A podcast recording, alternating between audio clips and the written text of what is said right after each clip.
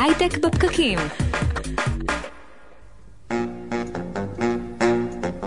צהריים טובים, יום חמישי 20 לפברואר 2020, הייטק בפקקים.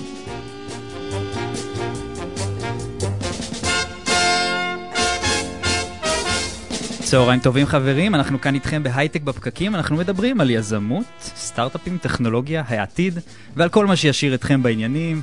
אני אדר חי, נמצאת איתי כאן נירית כהן, צהריים טובים. יום חמישי נפלא גם לך. יום חמישי נפלא, איך עבר השבוע? גשום. אצלי היה עמוס, עמוס בהרבה דברים. אתה באמת היית פחות או יותר באירוע כל ערב. לא כל ערב, אה, לפעמים. שני אירועים. כן, כן, ראיתי זה היה אותך איכשהו משהו בפייסבוק. כזה נכנס לשבוע הזה, הכל הצטבר, מאוד נחמד, אבל עמוס.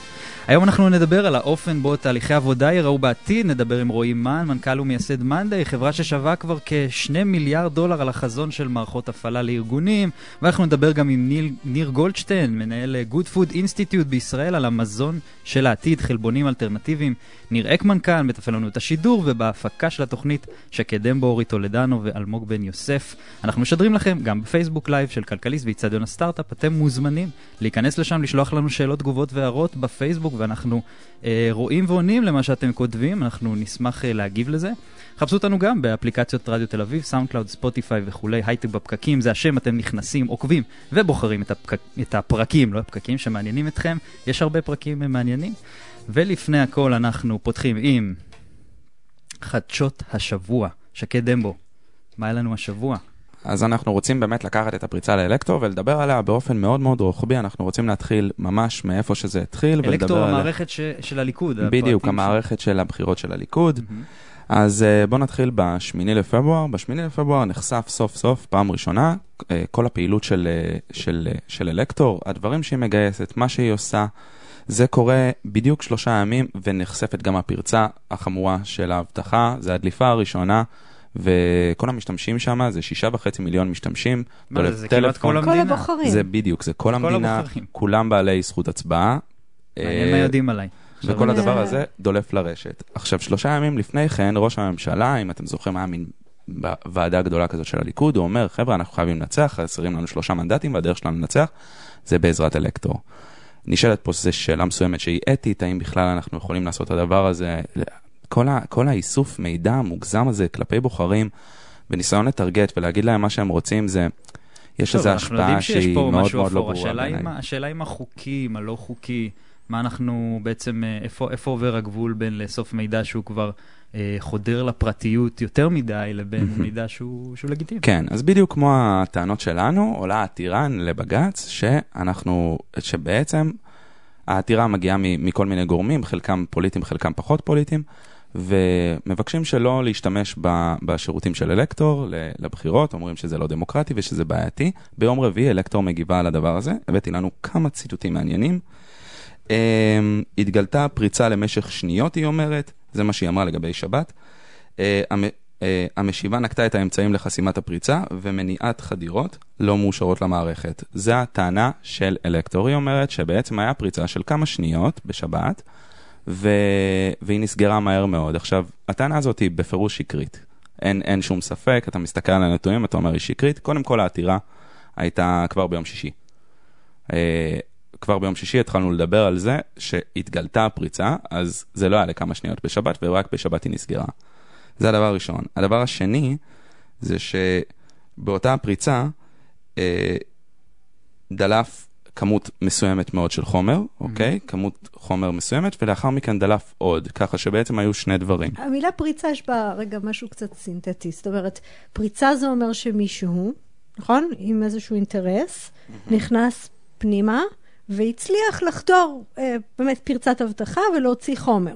מהמם. בסדר? זאת אומרת, זה לא, כאילו, שיחה היא, אפשר לדבר אז על זה יכול להיות שהם בעצם, אה, בהמון שהם רמות. בעצם, באמת הייתה פריצה לכמה שניות, שהם בעצם אה, צודקים בזה, אבל... בדקו, אה, ראו, נכנס, הצליחו להוציא, ואחר כך הלכו והשתמשו בה, או גם זה לא אז משנה אם זה כמה שניות, אם הורדת את ה database של כל הבוחרים ומ- כן, ומה אז יכול שאנחנו להיות יודעים שזה, עליהם. לא שקרי ברמה הזאת, אלא פשוט ש...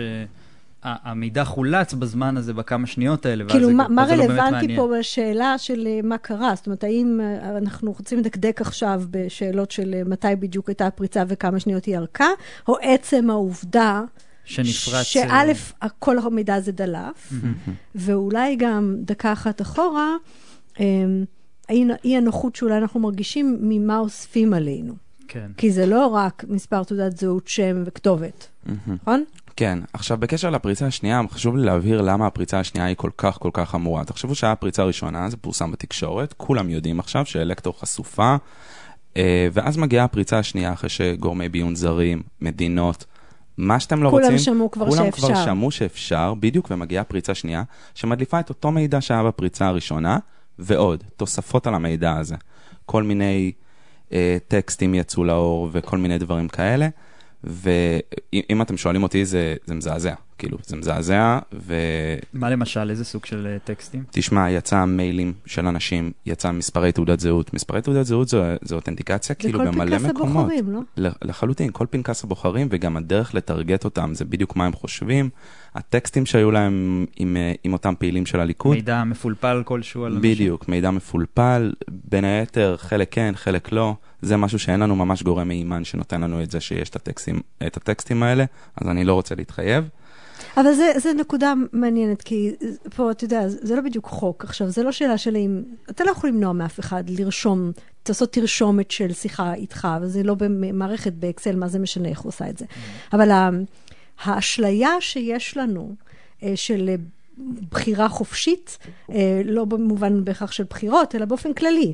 כשבעצם מה שקורה זה שמישהו בוחר שולט בנו, זה מזכיר מאוד לנו, את קיימברידג' אנליטיקה. בדיוק, בדיוק. זאת אומרת, אנחנו כאילו, בעצם הדבר הזה שקורה מסביבנו בעולם, שנאספות אלינו כמויות אדירות של מידעים. ומשפיעים עלינו מאחורי הקלעים, ככה בדיוק. במחשכים. הם בעצם יודעים עלינו יותר ממה שאנחנו יודעים על בפיד. עצמנו. זאת אומרת, מישהו יופיע בדלת, יגיד, בוא, אני אקח אותך לבחור, ובעצם זה תוצאה של זה שמישהו כתב, והוא מתלבט אם לנסוע לוויקנד ארוך. כן, תחשבו גם, הרשתות החברתיות כל כך הרבה זמן בתודעה שלנו במהלך היום, והדברים האלה משפיעים, ומשפיעים עוד קצת, ומשפיעים עוד קצת, והדברים האלה באמת אה, בסוף, בסוף מניעים אותנו, אז, אז יש פה איזושהי כן. אולי אשליה של בחירה כי, חופשית. כי בכלל. מה עוד עשו עם זה? זאת אומרת, תחשוב, זה כלי ל- למשל לטרגט זה פרסומות. לטרגט אה, זה. קמפיינים. כן, תחשבי שאת תופסת. בן אדם ספציפי, את יודעת שהוא בעל של עסק קטן, את יודעת בדיוק מה הוא חושב, הוא מסתבך בדיוק עם בירוקרטיה, אתה יכול לטרגט אותו ככה, אתה יכול כן. לתת לו בדיוק את מה כן, שהוא זה כלים צריך ש... לשמוע. שאנחנו מכירים מעולמות אחרים, נכון. והנה פתאום הפנו אותם עלינו. לגמרי לגמרי, וזה ממש משפיע.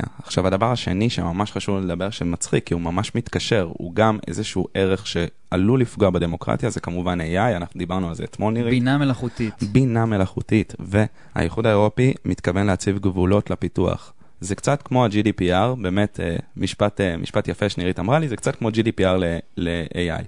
איזה מידע אנחנו יכולים לאסוף, איך אנחנו ש-GDPR יכולים... בעצם זה תקנות של הפרטיות, אז אותו כן. דבר תקנות של על- יכולת איסוף, אה, תקנות של יכולת של איסוף יכולת איסוף מידע. מידע. בדיוק. כן, כל מי שאי פעם עבד עם אירופה יודע ש- שקודם כל אתה צריך לחתום, שאתה מסכים, כן. שהמידע שלך יאוחסן תמיד יש. באתרים אירופאים, אה, נכון. אתה צריך לחתום שאתה אני אגב מה נרשם, שה cookies. הוזמנתי עכשיו לדבר בכנס בארצות הברית, אז הייתי צריכה למלא במסגרת הווים, האם אתה תושב אירופה, כדי שהם ידעו מה מותר להם ומה אסור להם לעשות עם המידע שלי. וואלה, עד כדי כך. אז הרעיון שלהם הוא כזה, הם רוצים שבעצם כל איסוף המידע יהיה תחת איזשהו מנגנון מסוים, uh, framework for trusty, uh, trustworthy artificial intelligence, והם רוצים שה, ש, שהאיסוף הזה יתמקד בשלוש מטרות עיקריות, אנחנו רוצים שיהיה טכנולוגיה שעוזרת לאנשים, אוקיי? זו המטרה המרכזית של הטכנולוגיה, אנחנו רוצים שיהיה כלכלה תחרותית ושווה.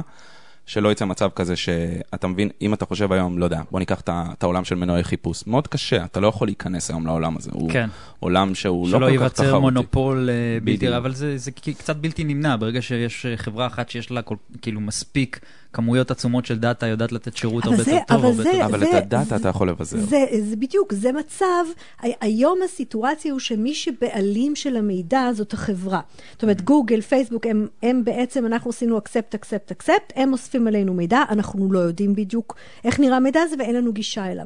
אתה יכול לארגן חקיקה שהבעלות על המידע היא שלנו. ואז בעצם אתה יכול להגיד, אתה- רוצה, ש... אתה רוצה שניתן לך את המידע הזה? אני רוצה משהו בתמורה. למשל, רווחים מהשימוש בו, או למשל, אוקיי. לדעת מה, זאת אומרת, יש פה, עזוב, זה תחשוב לא על זה ככה, ברור נגיד שאני שהמצב עכשיו הנוכחי... חברה שאני מוציא מוצר מסוים, נגיד שהמוצר הזה הוא בתחום של קוסמטיקה, אני צריך לקבל איזשהו תו תקן, אני צריך לקבל איזושהי בדיקה מסוימת שהמוצר הזה הוא, הוא סבבה ומה שאני עושה הוא בסדר, נכון? אז הם רוצים לעשות איזשהו גוף שיתעסק עם חברות מסוימות, דרך אגב, לא כולם, עוד רגע נבין את זה, שהוא יבדוק איזה מידע אתה אוסף על אנשים, והאם זה בסדר, במובן הזה, איזה מידע אתה בעצם מאכיל את האלגוריתם של ה-AI שלך. מעניין. אתה מבין? ממש אז- מעניין. ויש פה גם אה, עניין של אה, למנוע, מה שאנחנו הרבה פעמים אה, יוצא לנו לדבר, את ההשתלטות של הרובוטים על אה, בני בדיוק, את. האפוקליפטיקה תקנות- הזאת. תקנות זה כאלה. בדיוק זה, זה בדיוק זה. אני חושבת שאולי לפני, לפני זה, זה, לפני הצד הכלכלי של הדבר הזה, זה הצד של האח הגדול. הרי אירופה היא למודת אה, ניסיון במה קורה כשהאח הגדול משתלט על היבשת, ופה אפילו מתחילים לשאול שאלות על... אה, זיהוי פנים, על, על יכולת, ש... על מה אתה עושה עם כל המידע שבא מהמצלמות של ההסתובבות שלך, אתה מסתובב במרחב ואוספים עליך מידע. באופן כללי, כן. שתדעו איזו אנקדוטה, שבאירופה זיהוי פנים, אה, יש, יש הבדל בין face recognition ל-face detection. אני לא בדיוק יודע איך אה, להבדיל ביניהם בעברית, אבל recognition זה זה שאתה יודע להבדיל בין פנים של בן אדם אחד לפנים של בן אדם אחר, אתה יודע לשים לב מי זה, ו-detection זה פשוט לראות את הפנים בתמונה. אז כשאנחנו מדברים על face recognition, שזו טכנולוגיה מאוד מאוד מסוכנת, שאתה חושב על זה מה שהסינים משתמשים בו, כן, הסינים, אתה, טכנולוגיה מס- אתה יכול מסוכנת. להסתובב וה- והמצלמות אירופה מזהות אותך. רואה את הטכנולוגיה הזאת כ... חדירה עמוקה לפרטיות. בדיוק, חדירה מאוד כן. מאוד עמוקה לפרטיות, היא רואה את זה בעין מאוד מאוד רעה, היא משתמשת בזה, לטענותיה, כן? רק במקרים מאוד מאוד מיוחדים וקיצוניים. מהמם. זה משהו שבסין זה, זה כדרך אגב, כן? אני חושבת שהסיפור המעניין מאחורי בכלל ההכרזה הזאת, שהיא טריה ואנחנו לא עד הסוף מבינים אותה, זה שאנחנו, אה, אפרופו שיחתנו מקודם על הפריצה אה, שקרתה לנו בארץ, אנחנו לא באמת ערוכים עם, עם תגובות מעודכנות לכלים החדשים ומה שגורמים יכולים לעשות איתם. אז היום אנחנו קצת מתלוננים על פייסבוק ועל גוגל וכאלה, אבל אנחנו לא באמת עושים משהו בנדון. אירופה היא די סמן ימני ל, ל, לייצר חקיקות שלפחות קודם כל חושבות לעומק. אנחנו חווים אותן הרבה פעמים כמגבילות, אבל, אה, אבל, אבל יש משהו שצריך לקרות פה אבל חשוב לי לתת לך. פה. עוד כן. איזה קו מחשבה מעניין כלשהו, שאולי הוא נשמע טיפה אה, אה, ספקולטורי נקרא לזה, אבל יש, יש לו איזשהו גרעין מסוים של אמת בעיניי וצריך לחשוב עליו. יש כמה מעצמות היום בעולם וכולם מתחרים לה- ב-AI. עכשיו זה לא סוד שארצות הברית וסין כנראה הם במקום יותר גבוה מאירופה, ואני מאמין שגם רוסיה במקום יותר גבוה מאירופה, וחלק מהדבר הזה זה... זה, זה, זה, הם מגיעים ממקום מאוד של האנדרדוג אירופה, אני מאמין שהם מפחדים כן. ב, ב, במקום כלשהו. את מבינה? כן, זאת אומרת, אתה בעצם אומר, יש פה גם סוגיה עסקית. בדיוק. יש סיכוי טוב, אבל יש פה גם סוגיה תרבותית, אני חושבת. מה עוד היה לנו השבוע? אז מעבר לזה, יש לנו את כל הסיפור עם uh, ג'ף בזוס, ג'ף שזה בזוס. ממש ממש uh, ממש מרגש. זו הייתה התפתחות מעניינת. התפתחות מעניינת מאוד. יש לנו, ג'ף בזוס תרם אה, עשרה מיליארד דולר. האיש העשיר בעולם, האיש כן. העשיר בעולם, חשוב לציין, כן. תרם עשרה מיליארד דולר כדי להילחם באקלים, זה קרה ממש אחרי כן. ש... כן, הוא- הוא נלחם בעד האקלים. בעד האקלים, לא בעד. האקלים, כן, כמובן, כמובן, ברור. להילחם במשבר האקלים, לתרום ל, ל, לכל מיני טכנולוגיות ו, ודרכים. פריצות דרך ש... ומדע שיתרמו בעצם ל... למלחמה במשבר בדיוק. האקלים הזה. עכשיו, כל האירוע הזה מגיע לנו אחרי השריפות שהיו לנו באוסטרליה, היה להם איזה שבוע מטורף, שריפות, עשן, אבק, כל דבר שמציג משבר אקלים. והיה ביקורת מאוד כבדה כנגדו, שהוא תרם בסך הכל 690 אלף אה, דולר. כי מישהו עשה לו חשבון שזה כן. 0.0000 ועוד כמה אה, ממה שהוא שווה, וזה לא נחשב. כן. אז אה, כן. בסדר, אתה יודע, כל תרומה זה בסוף, זה אני כן, לא, אני תרומה לא הייתה לי. ביקורת עליו גם אז, אבל יפה שהוא בא ואומר, אוקיי, הנה, אתם רואים, עכשיו אני, אני בא ואני משקיע בזה באמת, ובאמת, ג'ף בזוס הוא מוביל את אמזון, חברה אולי הכי משפיעה, בעצם, באמת הכי משפיעה על תרבות הצריכה, והוא תורם סכום כזה לטובת כן. איכות הסביבה, זה בעצם מראה את הגישה אה, שלו לגבי העניין, ואת החשיבות שהוא, שהוא מקדיש לה, שזה באמת... אה, כן, נשמע כן. זה, זה אגב, זה נורא מעניין, כי אני חושבת שאנחנו רואים פה איזשהו שיפט. אה, אה, אה, אורי שלנו אה, אה, אמר אה, מקודם שהוא אה, זוכר אה, שהיו סיפורים בתוך אמזון, שעובדים טענו שזה לא בסדר, שהחברה, ב, ב, בעצם, בעצם הביזנס שהיא מייצגת, אה, תורמת לתרבות צריכה וזה עובד נגד, לצורך העניין, אה, כדור כן. הארץ. אה, ומצד שני, אנחנו רואים היום שיש נהירה לציפייה לאיזשהו קפיטליזם קצת יותר קשוב, אנחנו גם, אה, אנחנו יודעים שאמזון קנתה את Whole Food Market, ו Whole Food Market זה ביזנס שעוסק ב, אה, לפתח את הקהילה שהוא עובד בו, ההתנהלות שלו היא אחרת, אה, המנכ"ל שלו הוא מייצג אה, באמת את תנועת קפיטליזם קשוב. אבל זה לא קצת ניגוד עניינים לאמזון? אתה יודע, בסוף, ככל שאנשים קונים יותר, אז, אז מה לעשות, אמזון יותר מרוויחה, והסביבה קצת נפגעת מהסיפור כן, הזה. בגלל זה אנחנו רואים חברות סיגריות תורמות ל- למחקר של סרטן ריאות. כן. וכן. כן, קצת לכסות על, ה, על הדברים. טוב. תודה, שקד דמבו, חדשות השבוע. לכם. ואחרי הפרסומות אנחנו נדבר על אה, מערכות הפעלה לארגונים, מה זה בדיוק אומר על תהליכי עבודה של העתיד, איך מתנהלים נכון עם רועי מן, מנכ"ל ומייסד מאנדיי. אנחנו תכף חוזרים. הייטק בפקקים. הייטק בפקקים, חמישי, שעה 12, 102 FM, אנחנו חזרנו, ואני מזכיר שאנחנו גם משדרים בפייסבוק, העמוד שלנו נקרא איצטדיון הסטארט-אפ, הקבוצה שלנו נקראת הייטק בפקקים, שני יוד והשידורים החיים בווידאו, וגם כל הפרקים שלנו מוקלטים לשמיעה כפודקאסט, אפליקציות, ספוטיפיי, אפל, אה, פודקאסט, SoundCloud, כנסו, תכתבו הייטק בפקקים, כפתור העוקב זה הכפתור שלכם. ואנחנו ממשיכים, נמצא איתנו כאן אה, באולפן רועי מן, רועי הוא מנכ"ל ומייסד מאנדיי, חברה ששווה כשני מיליארד דולר, עד לא מזמן עסקה במערכת לניהול פרויקטים, מערכת שמאפשרת לנהל מידע, משימות, את התהליכים הארגוניים, ולאחרונה היא הכריזה על שינוי משמעותי, אנחנו כאן כדי לדבר עליו צהריים טובים, רועי. שלום. אז אה, נכנסתי לאתר שלכם, ואני ראיתי כותרת אה, גדולה שכתוב WorkOS, מערכת הפעלה לארגונים. מה זה אומר מערכת הפעלה לארגונים, ואולי לפני זה גם, מה מאנדיי הייתה עד עכשיו, ומה ההבדל בין הדברים? אמ, כן, אז באמת עשינו איזשהו שינוי אה, גדול, הוא פשוט לקח שנה, הכרזנו עליו עכשיו. ואפשר אולי לחזור לבעיה שממנה התחלנו. האתגר שלנו ב-Monday והרצון, וזה גם אה, אפשר להגיד השם של החברה, זה העבודה, האתגרים שיש בעבודה. אה, לקחת כל ארגון, כל צוות ולעזור לו לעבוד יותר טוב. אז, ובכל גודל. אז זה יכול להתחיל בצוות קטן שבעצם אמ, איך מנהלים את המשימות, שזה מהמם. נקודה טובה דרך אגב בשיווק להתחיל בה, כי אף אחד לא בעצם רוצה. עד שהוא, הרבה מתחילים להשתמש בנו, אז ראינו שהם כן מתחילים להיות מרוצים, אבל גם זה לקח לנו הרבה זמן להגיע לזה. אבל אמ, מ- מרמת הצוות עד לרמת חברה שלמה, הרבה מחלקות, על פני הרבה מדינות, ומה שאני חושב מאוד מיוחד בנו, וזה בעצם, ה... אפשר להגיד משהו שגילינו אה, אחרי שהשקנו את המוצר בפעם הראשונה ב-2014, זה שאפשר לעשות עם זה המון דברים אחרים. בעצם הגישה שלנו הייתה שונה, שאנחנו מביאים לאנשים את האבני בניין לבנות את התהליכים שלהם. אנחנו לא לוקחים איזשהו... הנחה בסיסית שככה העולם צריך להיות. אז זאת. אומרת, אנחנו נותנים לכם לעשות אה, מה שאתם בוחרים לעשות עם הארגון שלכם, כי מתוך הנחת מוצא שכל ארגון זה DNA שונה, תהליכים שונים. כן, אז אני חושב שאנשים היום מתאימים את עצמם לתוכנה. בעצם מביאים לך נניח תוכנה לניהול משימות, או אפילו CRM, ניהול לקוחות, או ניהול אינבנטורי, מה שלא יהיה, אתה צריך להגיד, רגע, איך התוכנה הזאת חושבת, מה אני עושה, איך אני מתאים את זה. בעצם אתה אומר, התוכנות נבנו עם תהליך מסוים בראש, ואנחנו היינו צריכים, אגב, ב... אני זוכרת שאנחנו היינו מטמיעים, קראנו לזה ונילה.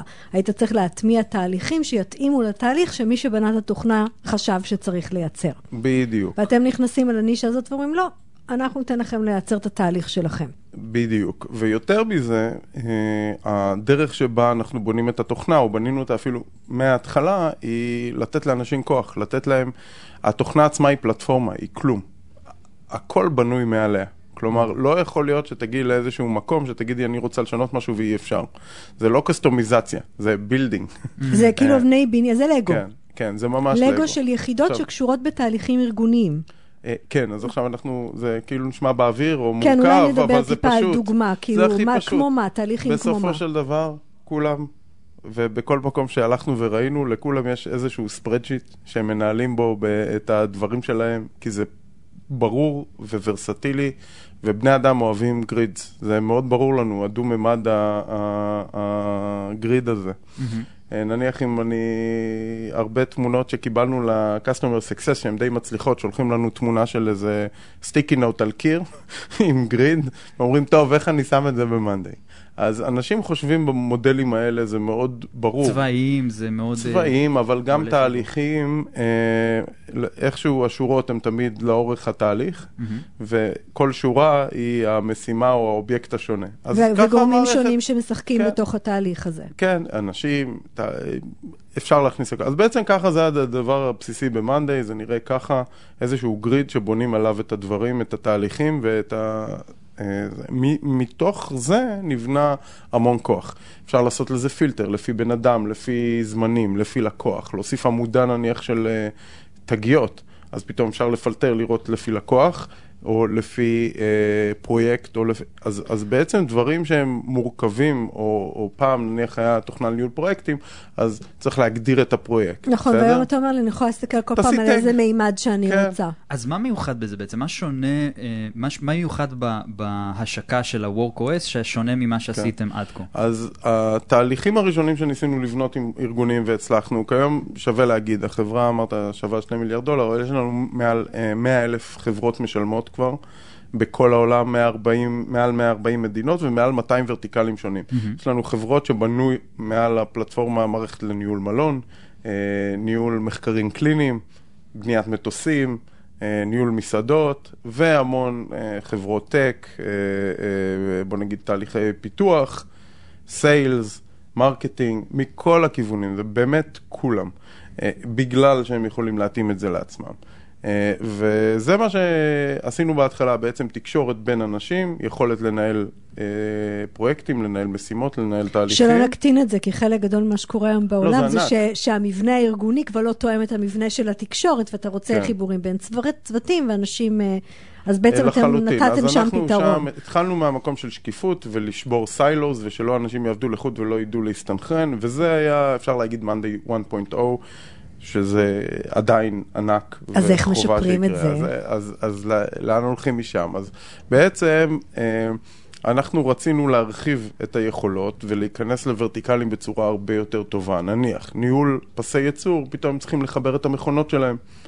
או אנשים שעובדים עדיין, הם, אז האנשים מסונכרנים, אבל יש פתאום מיליון תוכנות שמשתמשים בהם, והמידע נמצא גם שם, בסדר? אה, אה, אז בעצם Monday 2.0 זה הרצון שלנו לחבר את הכל לתהליך. כל האנשים, אפילו את הלקוחות עם SMS, הם לא צריכים לדעת מה המערכת, או טפסים, או מידע חיצוני.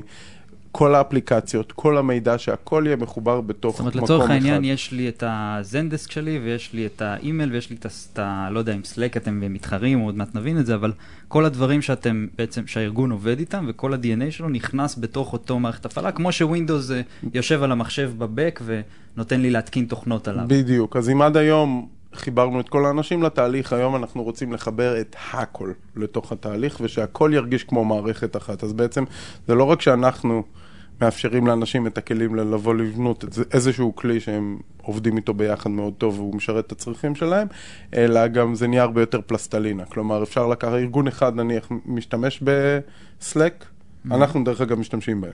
וואו. כי תקשורת זה חלק אחד נחמד, חשוב. אבל הסלק יושב על אז זהו. תסביר לי כן, מה אבל הוא זה אומר לחבר. את סלק רגע, אז אנחנו. שנייה, שנייה רגע אחד לפני, אנחנו יוצאים לפרסומת אה, אחת אה, ואנחנו חוזרים. מה, אם אנחנו, אם אנחנו יכולים לקבל למשל דוגמה ספציפית, זאת אומרת, אם חיברנו עכשיו את סלק למאנדי, מה זה אומר? אני מתקשה להבין מה זה אומר. אז אה, בוא ניקח אה, אה, דוגמה לעוד כמה מערכות ביחד אפילו. נניח נכנס, מישהו עובד עם זנדסק, או כל תוכנה לניהול ספורט, שיש בקשה מלקוח, ונניח זה באג. אז פונים ל-R&D. ואז הפנייה הזאת נעשית בדרך כלל במייל, טלפון, או נניח, במקרה הטוב, יש אינטגרציה בין זנדסק לג'ירה אולי. אז עכשיו זה שם. כשזה נסגר, האם זה חוזר ל-CS, האם זה חוזר ללקוח, האם אנחנו יודעים בתוך התהליך הזה למדוד את הזמן שזה לקח, האם אפשר לייצר אחרי זה אה, דוח ולהבין, רגע, לבאגים מהסוג הזה לוקח ככה וככה זמן לחזור. עכשיו, לרוב האנשים, החברות, וזה שוב, אנחנו מדברים גם על ארגון שהוא דיגיטלי. אה, יחסית, כן? תוכנות אה, מהסוג הזה, אה, אין את ה... בטוח אין להם את הידע על כמה זמן לקח מפה לשם. כן, גם במקרה הטוב, ו- ב- ו- אצל הספורט יש, אה, הקלידו כן. את זה במקום אחד, ב-R&D כן, עשו עם זה משהו אחר. כן. ומישהו צריך לקחת אונרשיפ ולזכור וללכת ולפתור את זה, כי זה לא סגור אצלו, אז הוא בודק בזנדסק, הוא אומר, אוי, זה עוד לא סגרנו את זה, הוא חוזר. מרים טלפון, שואל מה להרים קורה. טלפון, ללכת, או לשלוח איך סלק, פותרים? או לשלוח הודעה בסלק, איך אתם שאולי יתעלמו את? ממנה, אז כי באמת זה- זה צריכים לשלוח איזה לשאלה- 20 הודעות בסלק שיתייחסו אלייך או לא. כאילו שזה גם, כי זה בסוף נשאר ברמת התקשורת האישית. אז איך כן? אנחנו אז זה פותרים באמת את זה? מתחבר לשאלה ששאלו אותנו מהקהל, שמעניין להבין איפה מאנדיי תורמת ב-handoff הבין-מחלקתי. זה משרון הממשל, למשל עבודה משותפת של מוצר ומרקטינג או, או תמיכה. אז, אז נניח, אז אני אגיד מה זה WorkOS פה בהקשר הזה. אז דבר ראשון בהתחלה, אפשר להחליף את כל הכלים האלה, בסדר? אה, לחברות קטנות. בסדר, ארגון קטן שרוצה כאילו את הכל, הוא יכול לעשות מערכת ניהול טיקטים אצלנו, אה, לקבל פניות, יש לנו טופס שאפשר לשים אונליין, לקבל את הפניות, לטפל בהם, לענות. אחרי זה, שזה נהיה עם ווליום וצריך לנהל הרבה לקוחות, זנדסק עושים עבודה יותר טובה מאיתנו בוורטיקל הזה. אז אפשר להכניס אותם, וזה יהיה fully integrated לתוך אותם תהליכים. אה, אותו דבר R&D. רגע, רגע, לפרסם, אתה רוצה את המשפט הזה, פשוט להבין אותו עד הסוף. זאת אומרת, מה זאת אומרת? אם מישהו פתח עכשיו אה, בפלטפורמה אחרת, כמו למשל בזנדסק, הוא פתח איזושהי פעילות, אתה תוסיף את זה לתוך ה-workflow. כן, אז אה, דבר ראשון, זנדסק זה לא, פות... הלקוחות לא פונים בזנדסק, יש איזה טופס שהם ממלאים. נכון. אז זה יכול להיות טופס שלנו בהתחלה שמכניס אה, אה, את הטיקט הזה למאנדיי, ואפשר לענות עליו ולנהל דיונים בתוך מאנדיי על הדבר הזה, אה, לחבר נניח מישהו מה-R&D לאותו דבר, אה, ולעבוד על זה. אה, אחרי זה אפשר, אם רוצים, נניח זה גדל ויש מאות לקוחות על כל העולם, יש מאות אה, אנשי מכירות או עשרות על כל העולם, כן. וזה נהיה פתרון שהוא נכון, צריך אותו. ואז? אז אפשר פשוט להכניס את זה ושזה יהיה אינטגרטד. אז אם היה את החיבור ל-R&D, אז פשוט עושים סוויץ' ומכניסים אוטומציה. נניח, כשנוצר טיקט בזנדסק, אז תעביר את הדאטה למאנדיי, או אז תעביר אפילו את הדאטה לג'ירה, שזה מערכת לניהול אה, אה, פיתוח, כן? אנחנו, סליחה, אה, רועי, אנחנו מתקרבים לסיום, ואני רוצה ככה לקראת, אה, אה, לדבר איתך על אתגר שאני רואה הרבה פעמים שיש. אה, לבנות תהליכים נכונים, לנהל את הכלים והמידע ככה שהוא יהיה אופטימלי. הרבה פעמים אנשים או עובדים אצל הכלי, או מצד שני נורא מבולגנים ולא מסודרים. מה היינו אומרים לאנשים שמקשיבים לנו ורוצים לבנות ארגון, לבנות תהליכים, תהליכי עבודה נכונים אה, על בסיס מה שהם אה, עושים היום? איך נכון לעשות את זה בכלל? איך נכון להתחיל? אמ, אז לקרוא הרבה, אנחנו קוראים הרבה. הניהול של מאנדיי הוא בערך כמו הכלי. כלומר, אנחנו הרבה מהעקרונות הניהוליים שיש לנו אה, יוצקים לתוך הכלי, כמו שקיפות, כמו העברה של ownership, כמו recognition, להראות לאנשים מה הם עשו, ואז אה, אה, עובדים ביחד יותר. אז א', אני לא יודע אם זה בסדר, אני, יש לנו פודקאסט אה, שנקרא סטארט-אפ פור סטארט-אפ, שבו בסדר אנחנו גמור. רוצים... אחלה, אז, אז אנחנו שמה, זה, זה, זה תשובה טובה פשוט למה שענית, אנחנו לוקחים המון אה, מהתובנות שלנו, מהדברים שעבדו ולא עבדו אצלנו, זה startupforstartup.com, וככה באמת מנסים שאנשים ילמדו מהטעויות שלנו. אז זה משהו אחד. דבר שני, זה ניסוי וטעייה, זה פשוט לנסות, לראות אה, אה, מה עובד, ו, ובהקשר הזה, זה, זה בדיוק העקרונות שלה, אין, אין שיטה אחת שהיא הדבר שיפתור את כל הבעיות. צריך לעבוד עם זה, יש אנשים שונים בצוותים שונים, וצריך לנסות דברים, וזה בדיוק העיקרון שעשינו, שמתאים לנו לחקור את הדבר הזה. כאילו במאנדי, אם אתה לוקח את מאנדי, אתה יכול לשנות את זה ולחקור אתה אומר, ולבדוק. זה פלסטלינה, לך תבנה מה כן, שאתה רוצה. לך תבנה, עכשיו, תשנה אני, אני אגיד את זה. בצורה קיצונית הפוכה, אם, אם הקלצ'ר של הארגון הוא לא טוב, אפשר גם לשקף את זה זה כאילו, כלומר, הכלי אז עצמו, קודם ת- תטפלו בדברים מבפנים, ואז... אה, כן, הוא משקף את התאים, אתה רואה, אם כולם אה, מסתכלים על מה שכל אחד עושה ומכריחים מישהו לעדכן כדי שיראו מה הוא עושה, אז אפשר לעשות את זה גם איתנו, זה לא הדבר הבריא שיעזור לבנות חברה בריאה, אבל... אפשר. ברור, דברים צריכים בסוף לתקן אה, מבפנים. רועי מן, מייסד ומנכ"ל מאנדיי על מערכת הפעלה וניהול תהליכי עבודה בארגונים בעתיד. תודה לך שהתארחת אצלנו באולפן. תודה רבה. ואחרי הפרסומות אנחנו הולכים לשמוע על העתיד של המזון, חלבונים אלטרנטיביים. האם בעתיד הקרוב נפסיק לצרוך מזון מן החי? יהיה מעניין, אנחנו כבר חוזרים. הייטק בפקקים. הייטק בפקקים 102 FM, ברוכים השבים, נמצא איתנו כאן ניר גולדשטיין מה-Good Food Institute, צהריים טובים ניר. היי, מה נשמע? מצוין, אז מה זה חלבון אלטרנטיבי ניר? בשביל מה אנחנו צריכים את זה? אמ, חלבון אלטרנטיבי זה בעצם שם כולל לכמה טכנולוגיות שהתפתחו בשנים האחרונות ומאפשרות לנו לייצר את המזון שלנו, את הדברים שאנחנו הכי אוהבים, את הבשר, ביצים, חלב, בטכנולוגיות חדשות, שיש להן המון המון יתרונות, יותר סביבתיות, יותר בריאות ויותר כלכליות, ובסופו של דבר גם יותר טעימות. למה, אז למה לייצר מזון מעובד? כי זה פשוט, דרך אגב, גם יותר יקר לייצר את המזון, אה, מה שהיה עד היום. אה, וגם המילה הזאת שהשתמשת בה, זאת לימדו אותנו שמעובד זה לא טוב וטבעי זה טוב, והנה פתאום אתה מדבר על לייצר מזון. כן, לגמרי. תראו, אנחנו צריכים להיות נורא כנים עם עצמנו, מה אנחנו אוכלים היום ומה ההשלכות של הסיפור הזה. היום, אה, באופן הולך וגובר בעולם, אנחנו צורכים יותר ויותר מזון מהחי. אה, גם במדינות המערב, אבל בעיקר בעיקר בעולם המתפתח.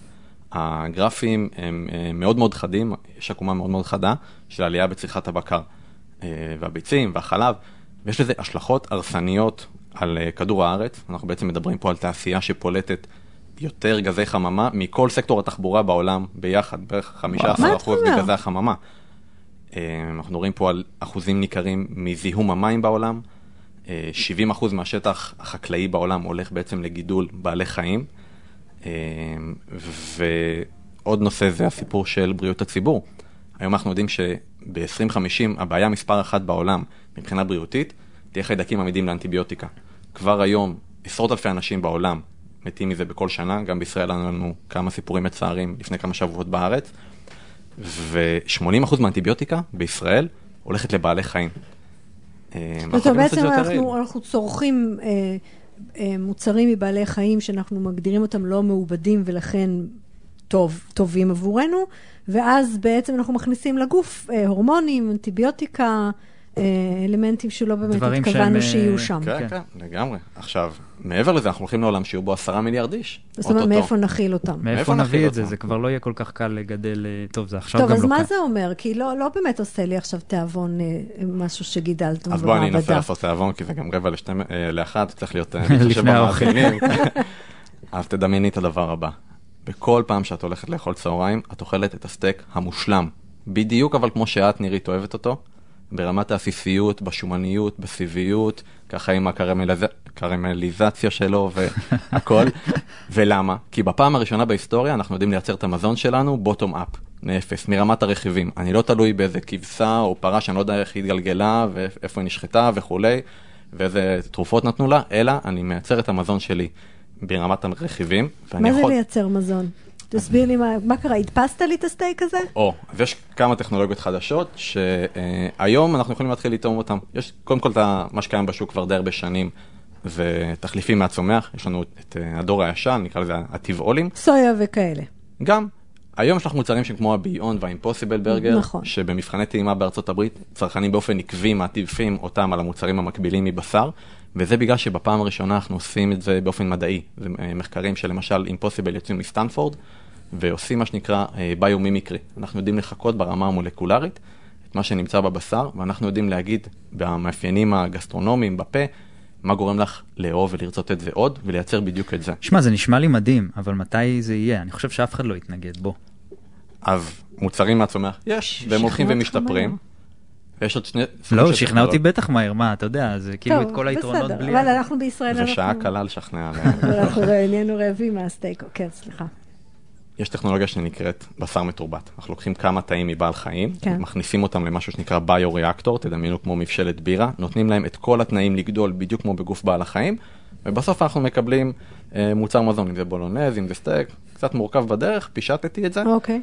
וזה יחסית קרוב, אנחנו יודעים שכמה חברות אה, בעולם, בייחוד בישראל, אה, עוסקות בזה, אם זה אלף פארמס, זה הישראלית שמייצרת לנו סטייק בקר מתורבת, סופר מיט שהיא אחת הראשונות בעולם והיא מייצרת כן. לנו אה, מעוף. ביונד מיט יש לנו? נכון? ביונד מיט בארצות הברית מייצרת לנו תחליפים מהצומח, אבל זה שם שהוא יותר מוכר, כבר נמצא בארץ במעל 200 סניפים. מהמם.